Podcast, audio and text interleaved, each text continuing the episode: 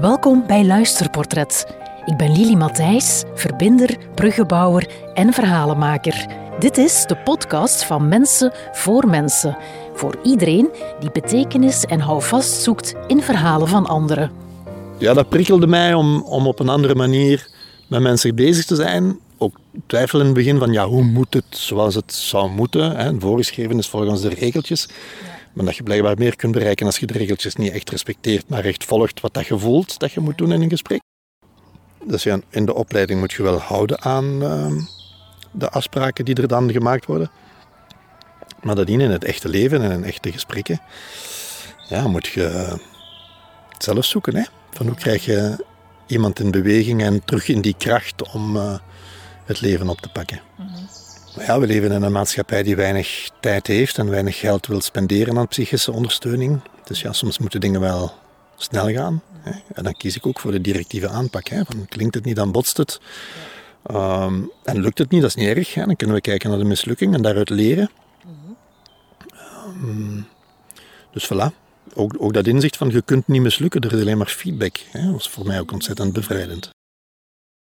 Ik heb een, zo'n een hele simpele formule. Impressie min expressie is depressie. Hè? Dus als je niet vertelt over de dingen die u iets doen, ja. ja. dan zet je onder druk en dan gaat het niet goed met u. Hè? Dus ja, vertel er maar over. Hè? En als je wel vertelt, dan krijg je impressie plus expressie. En dan krijg je decompressie, ontspanning. Ja. Simpel, hè?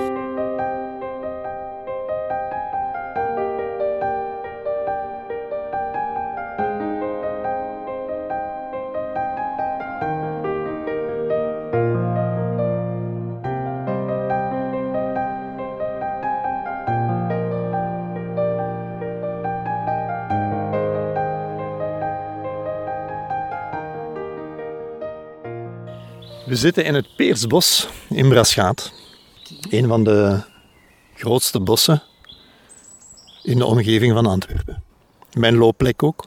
Oké, okay. ik zit met uh, Johan de Keizer op een bankje in het bos. Ja.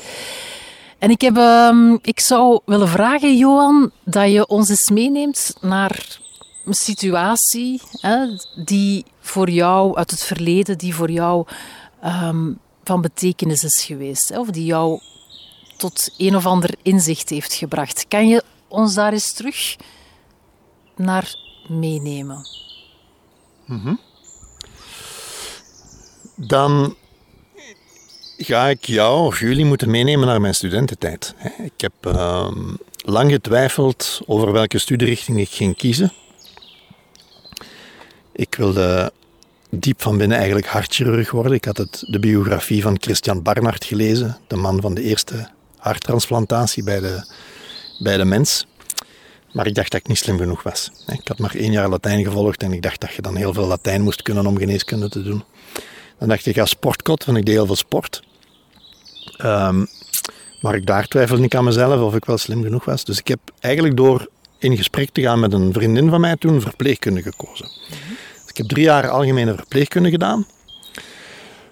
Um, daarna was ik ook nog niet helemaal content met mijn keuze. Um, ik was toen ook fan van Herman van Veen. En ik dacht, ah, ik word zanger.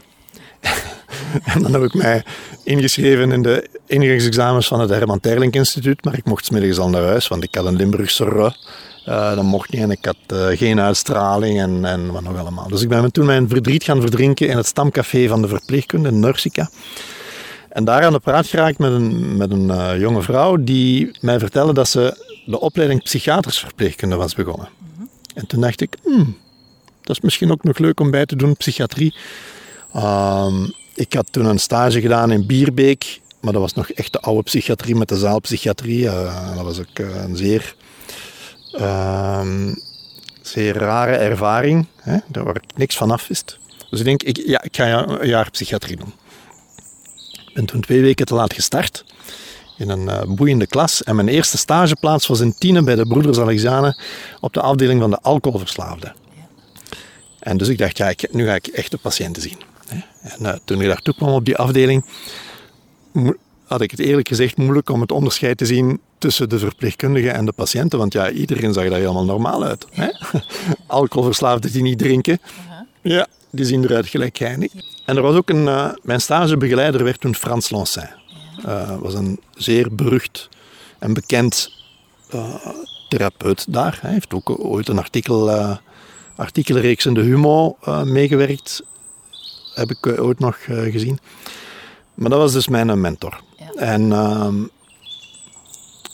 ja, ik was toen zeer benieuwd van hoe komt het dat sommige mensen in onze samenleving kiezen om alcohol te gaan drinken om hun problemen op te lossen. En de meeste van ons daar geen problemen mee hebben. Ik heb toen ook geleerd van ja, eigenlijk is alcohol een harddrugs, want je kunt daar lichamelijk aan verslaafd raken. Maar dat is wel legaal. En, en softdrugs, zoals een jointje roken, ja, dat mag niet. Uh, dat is allemaal heel verwarrend. Maar goed, dat is de wereld zoals ze is. Uh, en ik ben toen heel geïnteresseerd gaan luisteren naar die mensen van hoe komt het eigenlijk dat jullie verslaafd zijn geraakt aan alcohol. En er waren twee categorieën. Sommige mensen hadden problemen thuis, met hun kinderen, of met een man of met een vrouw, of met hun schoonouders. En om hun problemen op te lossen, alcohol drinken. En dat helpt, hè, want dan voelt je het even allemaal meer de miserie. Maar je wordt dan wakker met een alcoholprobleem na een tijdje. En er waren mensen die begonnen waren met drinken omdat ze last hadden met hun leidinggevende, met hun, met hun, met hun collega's, hè, dus werkgerelateerd. Dat waren de twee grote domeinen. Van beide wist ik nog niks, hè, want ik was dan niet getrouwd en ik was nog maar pas beginnen werken. Ja. Oké. Okay. Uh, dus een van de eerste ervaringen die voor mij wel beslissend zijn geweest in de rest van mijn carrière is een, een van die patiënten, was een uh, 33-jarige leerkracht, godsdienst, in een technische en beroepsschool, uh, die dus verslaafd was bleek dat hij ook een perfectioniste was. Hè. Goed was nooit goed genoeg. Uh, en volgens de psycholoog was ze borderline. Hè. Vogel voor de kat. En, en die patiënte werd mijn volgpatiënte. Ik denk, ja, dat gaat niet veel goeds worden. Hè. Op een bepaald moment vraagt die um, patiënte, Tine, heet ze, Tine zat in Tine, uh, of ik even tijd had voor een gesprek. Mhm. Ja, op dat moment ging er van alles door me heen. Ik denk, Oh, waarom vraagt u mij, leerling psychiatrisch verpleegkunde, voor een gesprek? Dus ik ben een half uur met haar gaan samenzitten, zoals wij hier nu zitten. Uh, ik, ik, was bezig met mijn houding, of ik wel goed zat, een gesloten houding, een open houding, of ik wel de juiste vragen stellen. Je was heel erg bezig met, jou, met jezelf. Eigenlijk met mezelf. Maar ja. ik heb ook wel geprobeerd om te luisteren. Hè? En na een half uur zegt die Tine tegen mij, dankjewel Johan. En ik dacht, maar ik heb niks gedaan. Ik heb er nadien wel gevraagd, hè, van waarom heb je mij toen bedankt voor dat half uur en waarom vroeg je mij voor uh, dat gesprek? En ze zei van, ja, één, jij deed normaal. Hè? Uh, jij gebruikte geen moeilijke woorden en jij luisterde echt. Hè? En dacht ik, ja, zo simpel kan het zijn eigenlijk. Hè? Van samen gaan zitten met mensen en naar hun verhaal luisteren en uh, een beetje wat jij doet, hè? naar verhalen van mensen luisteren. Dus dat was de de eerste, ah, ik kan misschien toch wel iets betekenen voor die mensen door gewoon te luisteren naar hun verhaal. Ja. En dan was er nog die stagebegeleider, Frans Lancin, ja.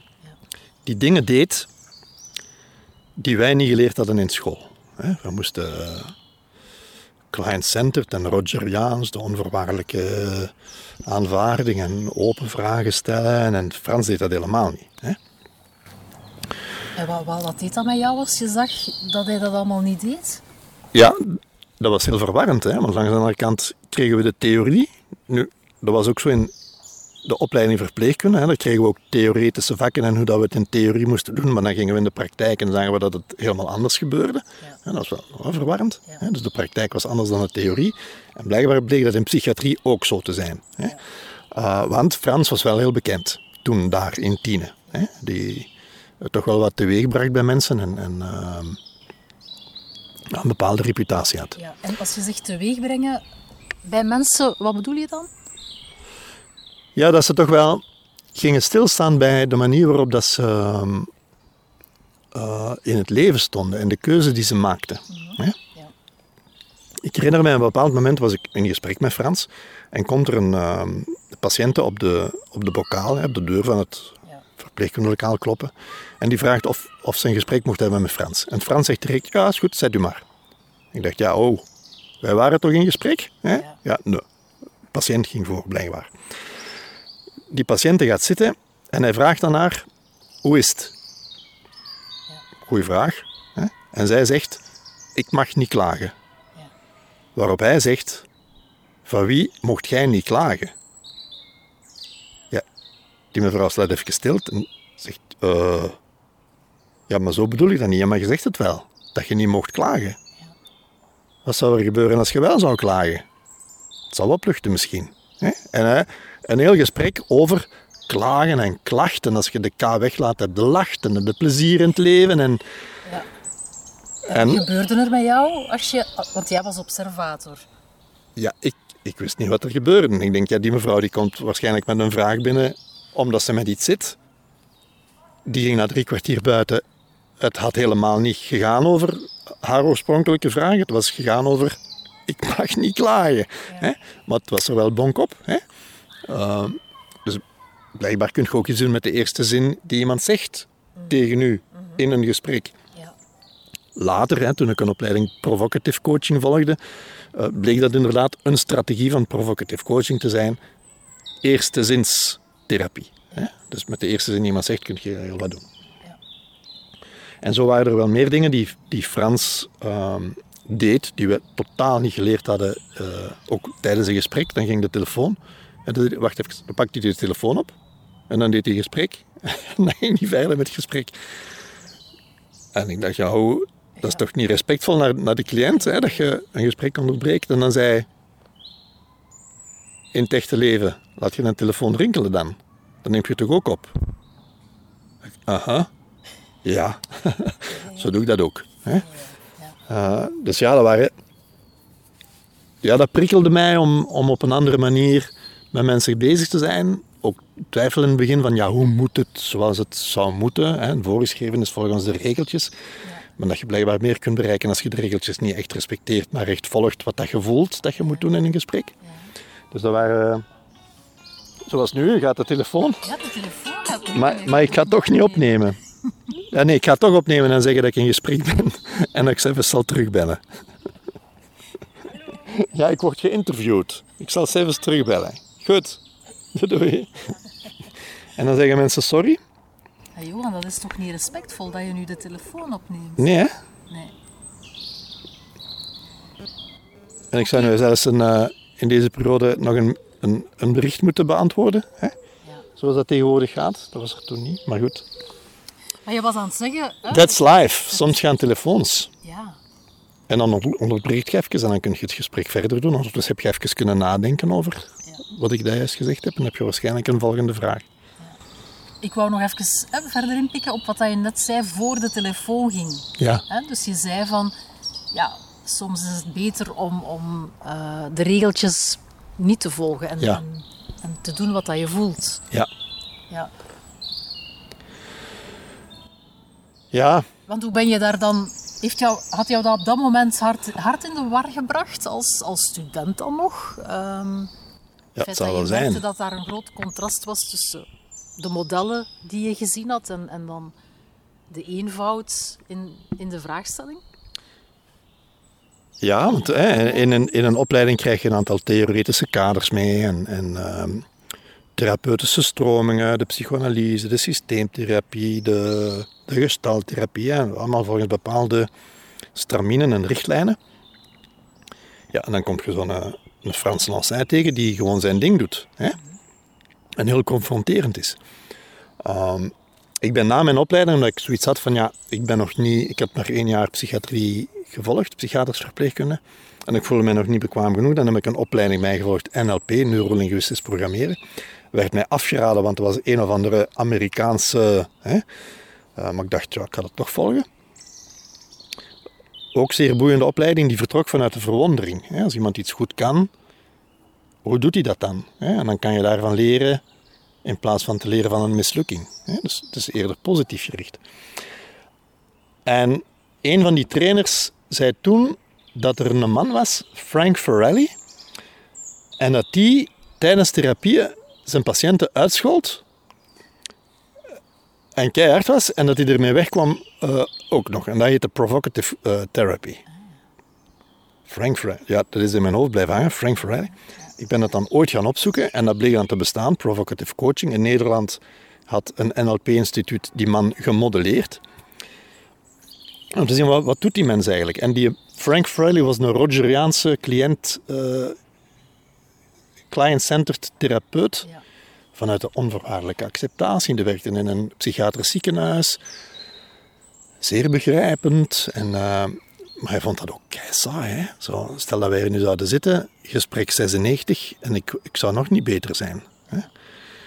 Dus op een bepaald moment is die, is die mens beginnen zeggen wat hem echt dacht ja. in een gesprek. Ja. Hè? Zo van Lily, ja. gesprek 97. Ik denk dat ik na vijf minuten in slaap ga vallen. Hou mij wakker. en blijkbaar begonnen patiënten daarop te reageren. Hoe, je gaat in slaap vallen? Nee, je moet naar mijn verhaal luisteren. Ja, maar zo'n saai verhaal, nee, nee, is er iets boeiend gebeurd in het leven? Ja, ja, ja. Hè? Hoppakee. En cliënten kregen energie en wilden bewijzen dat ze wel goed genoeg waren. Hè? En die was echt keihard. Hè? Die zei van, uh, ja, je, je, denkt toch niet dat jij beter gaat worden? Uh, je zit, je al drie jaar patiënt of vier jaar patiënt, hopeloos geval. Hè? Ja, en die kwam er echt mee weg. En ja, ja, dan dacht ik, ja, er zijn wel verschillende manieren om dingen te doen. En dat is ook een van de manieren waarop ik nu gesprekken doe. Ik kan heel begrijpend zijn, maar af en toe ben ik ook keihard en hou ik een spiegel voor. En uh, ja, vanuit liefde. En eigenlijk is het, het zaadje daarvan geplant door Frans, hè, die zich niet aan de afspraken hield die wij geleerd hadden op school, waar dat je dan ook punten op krijgt, hè, of het goed of fout is.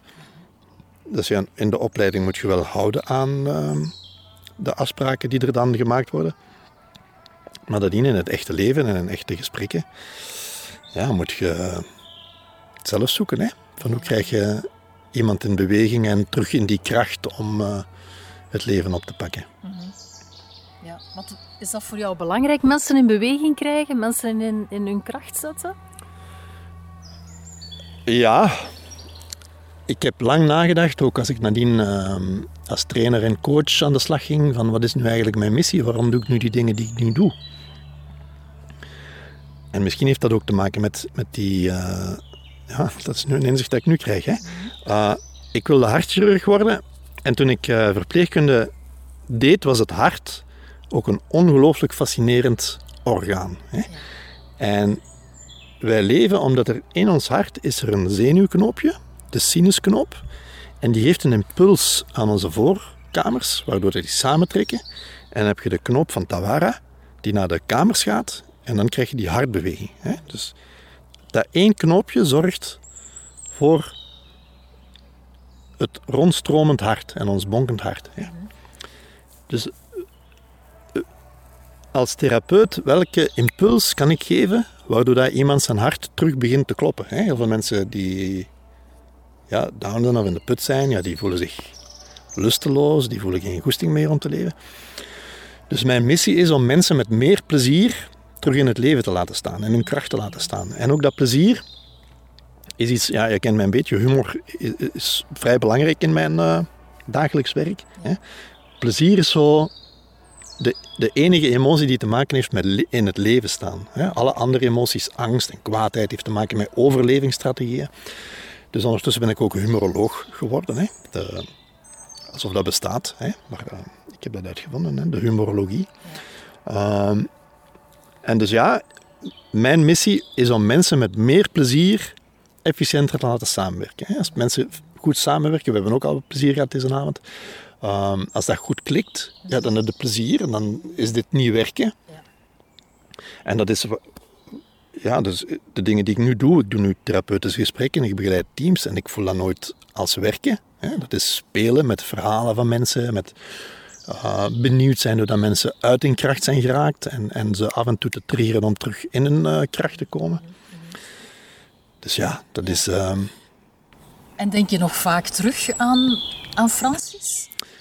Frans, hè, het is niet Frans Lancin, ja. In die NLP-opleiding was één oefening, uh, wie, zijn, wie zouden uw mentoren kunnen zijn? Hè?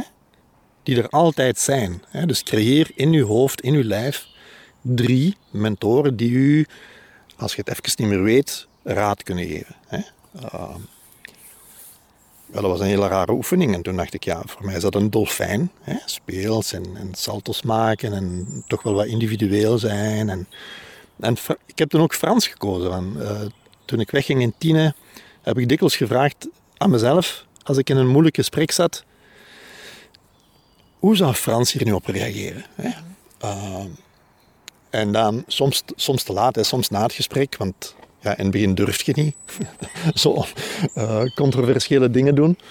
Ja. Uh, dacht ik, ja, misschien zouden we iets doen met de eerste, eerste zin die die patiënt gezegd heeft, hè, of de cliënt gezegd heeft. Dus Frans zit nu wel als een mentor in mijn hoofd. Als ik twijfel, dan uh, ga ik naar hem. Uh, mijn vader is een van mijn mentoren en, en dan die dolfijn.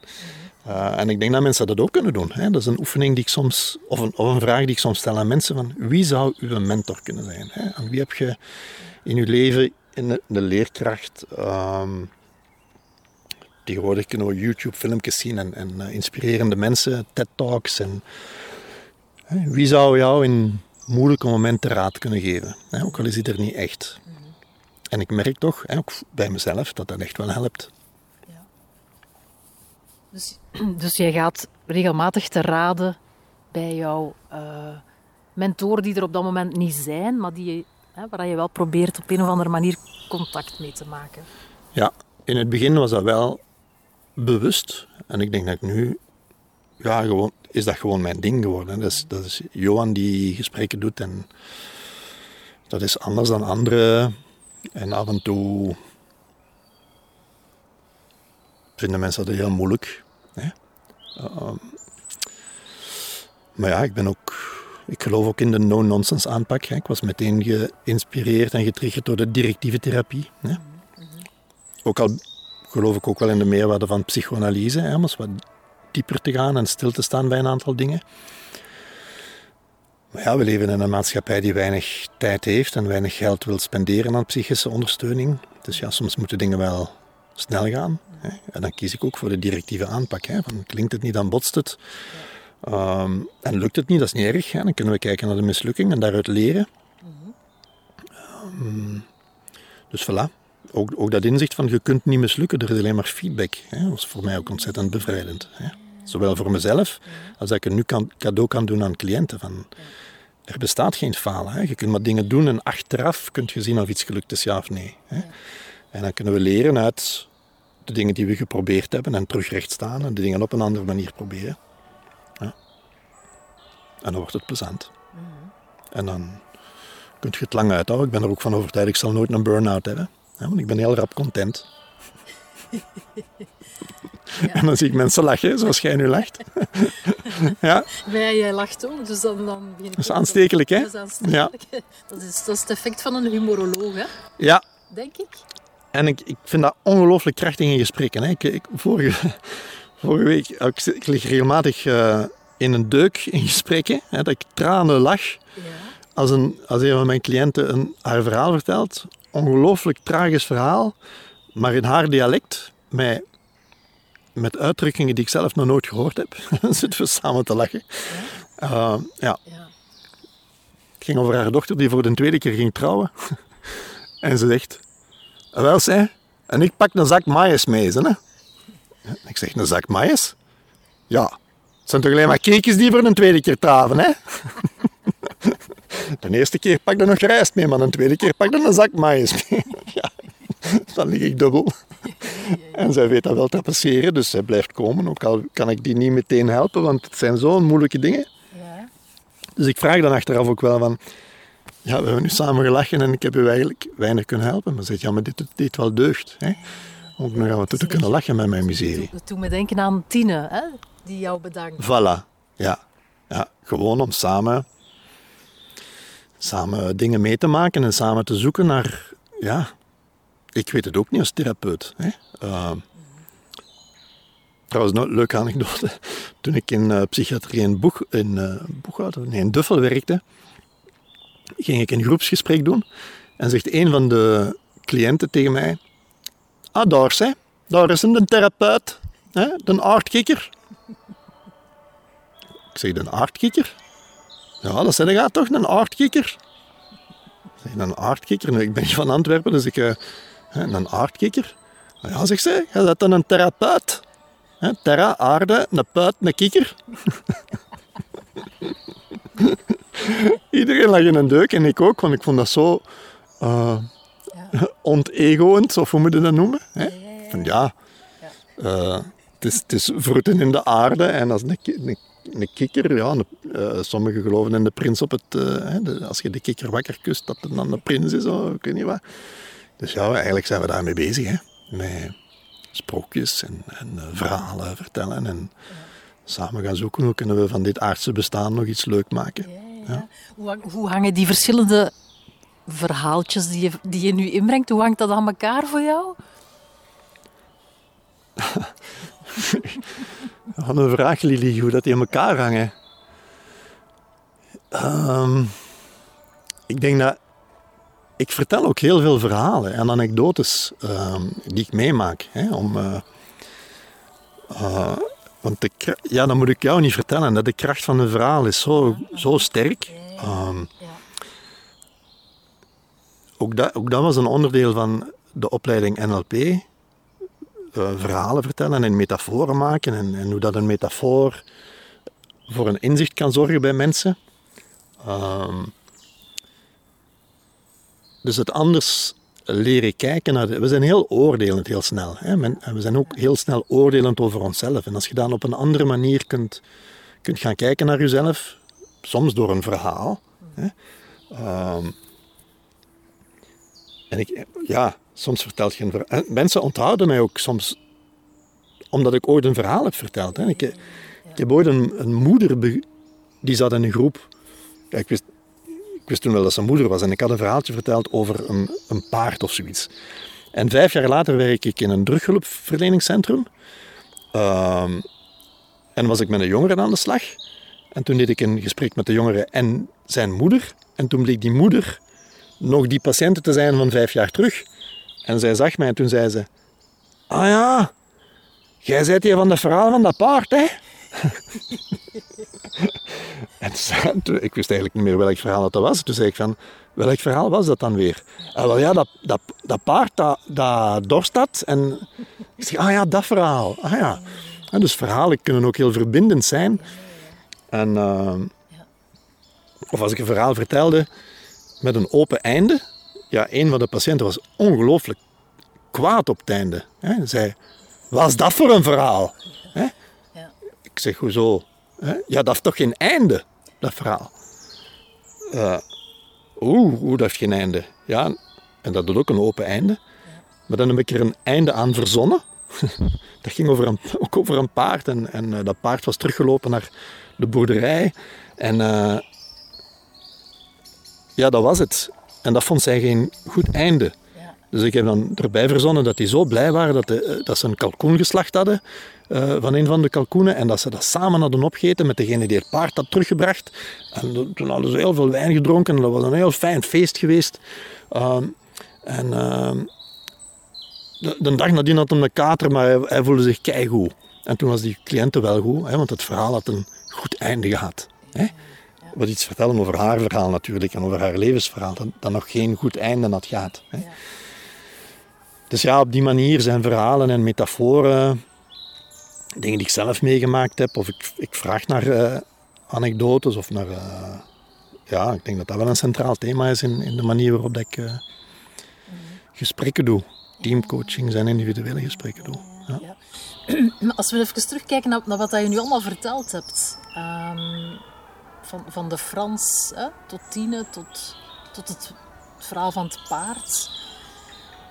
Misschien heb je het al gezegd, hè, maar wat, um, was daar voor jou de betekenis? Ik was aan het nadenken terwijl jij de vraag stelde, hè, Lili. ik denk, als ik terugkijk naar mijn, naar mijn eigen leven en naar, de, de, levens van heel veel mensen, is er gebeuren altijd onverwachte dingen. En daar moeten we mee leren omgaan. En soms snappen we op het moment zelf niet waarom dat zoiets gebeurt. Ehm, ik, heb u in het voorgesprek verteld dat ik onderuit ben gegaan met de fiets. Omdat er een paar idioten grind hadden gegooid waar een mooi zandwegje was. Ja, dat was een onverwachte gebeurtenis. Hè. Uh, maar tegelijkertijd had het ook wel een betekenis voor mij. Want ik was bezig met een, met een boek schrijven waar, uh, met de titel um, Zachte heelmeesters maken stinkende wonden. En op dat moment val ik en hangt heel mijn rechterkant vol met wonden die ik proper moet maken. Hè. Dus elke keer als er iets gebeurt, kan het op dat moment negatief voelen, terwijl het achteraf een cadeau was, hè, een ontslag uh, op je werk. Hè, dat je denkt van ja, wat nu? Hè, maar dan word je weer creatief en moet je naar andere mogelijkheden gaan zoeken. Dus het, het helpt mij wel om naar, naar het leven te kijken als een boeiend verhaal met, met, met onverwachte wendingen. En dan dat je gaat kijken van hoe, hoe maken we daar nu een ander verhaal van. Uh, zoals we nu aan het doen zijn. Hè. We zijn ook, uh... ja. En is dat ook wat dat je probeert te doen in de gesprekken die dat je dan hebt? Ja. Ja. En vooral om te leren kijken zonder oordeel. Hè. Of, uh... Want we zijn heel goed in, in oordelen, etiketjes kleven. En mensen komen altijd met een problematiek, hè, een, een verslaving. En dan moet, moeten we af van die verslaving, terwijl het eigenlijk maar een symptoom is. Hè. En, en wat daaronder ligt, daar is heel weinig tijd voor om daar naar te luisteren. Um, en soms door gewoon naar het verhaal te luisteren verdwijnt het symptoom. Of, of, krijgt het symptoom een andere betekenis. Um, dus ik um, ben er zo niet voor om mensen te labelen in categorieën. Of, uh, ja, zo simpel is het leven niet. Hè? het zijn verhalen waar dat je die soms lastig zijn, die situaties. Dan proberen we die wat helder te krijgen. Hè? Ja. En van daaruit komen soms mogelijkheden naar boven. En dan gaan we die uitproberen en samen zoeken of het werkt of niet werkt. En als het niet werkt, ja, gooien we het weg. En als het wel werkt, hoera. Mm -hmm. En we zoeken samen. Ja. Want dat heb ik ook geleerd, hoe dun de grens kan zijn tussen de hulpverlener en de hulpvrager. Hè? Uh, ik heb heel dikwijls gedacht, goh, als ik moest meegemaakt hebben wat die patiënt of die cliënt van mij had meegemaakt, dan zat ik misschien ook aan de drugs. Hè? Of dan had ik het ook niet geweten. Hè? Uh, ja. Dus ja, ik heb ongelooflijk veel geleerd van, van mijn cliënten, van mijn patiënten. Van, ja, als, als ik het op dezelfde manier zou doen als hun, ja, dan wist ik hoe het, hun, het mijn verhaal ook zou eindigen. Hè? In een verslaving of in een... Uh... Dus ik dacht, ja nee, ik ga het anders doen. Ik ga wel in mijn kracht staan, ook al vinden mensen dat soms lastig. Ik ga, ik ga wel kiezen voor mezelf. Uh, ik ga soms wel egoïstisch zijn. In plaats van nee, je moet altijd denken aan anderen. Uh, dus ja, ik ben ontzettend dankbaar. Ik werd er zelfs nog voor betaald om uh, te leren van mijn cliënten. En dat geef ik graag terug. Nog altijd betaald, weliswaar. Ik doe niks gratis. Gratis bestaat niet in deze wereld. Ik geloof nog in balans, in evenwicht. Hè, tussen geven en nemen. En, ja, leuk om in, in het bos hier te zitten. De vogeltjes. de vogeltjes fluiten. Er speelt ergens een fanfare. Er is toch geen kermis. Het wordt donker. Het wordt stil. Heeft het jou eens bijgebracht, dit verhaal? Ja, dat is een goede vraag, Johan. Um, ja, wat, wat, wat ik hier zo uithaal, is, is de eenvoud. Um, het lijkt zo eenvoudig wat dat je doet. En tegelijkertijd betekent het ook heel veel. Allee, voor, voor de ander dan bijvoorbeeld. Hè. Dat vind ik zo mooi. en, dat, mhm. en dat doet mij dan denken aan hè, de modellen die je dan op school leert. En, en je zal ook wel af en toe wel eens een model toch in je achterhoofd hebben. Maar gewoon aansluiten bij wat het er is zonder oordeel. In gesprek gaan. En, ja, ja, kijk, met al die modellen, het warm water is al uitgevonden. Hè. In wezen zijn al die modellen, zeggen die hetzelfde. We zitten nu in een moeilijke situatie, we willen ergens naartoe en sommige dingen maken ons moeilijk en sommige dingen kunnen ons helpen. Um, en, en ook die eenvoud, hè. Een, een, een, kort verhaaltje is eigenlijk gewoon een spreuk van iemand. Hè. En Einstein zou ooit gezegd hebben, zeggen ze, als je het niet simpel kunt uitleggen, heb je er niks van begrepen. En ik ben ook een simpele jongen. ik zeg dat ook tegen mijn cliënten. Ja. Ik heb een, uh, zo'n een hele simpele formule. Impressie min expressie is depressie. Dus als je niet vertelt over de dingen die u iets doen, ja. ja. dan zet je onder druk en dan gaat het niet goed met. Hè? Dus ja, vertel er maar over. Hè? En als je wel vertelt, dan krijg je impressie plus expressie. En dan krijg je decompressie, ontspanning. Ja. Simpel, hè? Het verhaal van Johan betekent voor mij ook nog dat er altijd meerdere manieren zijn om er te zijn voor iemand. Dat er meerdere manieren zijn om te kijken naar iets. Dat er geen falen is, maar feedback over wat werkt en niet werkt. En dat iets altijd een andere betekenis kan krijgen. Wat heeft dit verhaal voor jou betekend? Misschien wil jij ook een verhaal delen en mee inspireren? Je kan je verhaal ook laten verpakken en schenken aan iemand. Neem een kijkje op mijn website differentviews.be. Het zou fijn zijn als je deze podcast volgt of erover vertelt, zodat er nog meer gesmuld kan worden van betekenisvolle verhalen.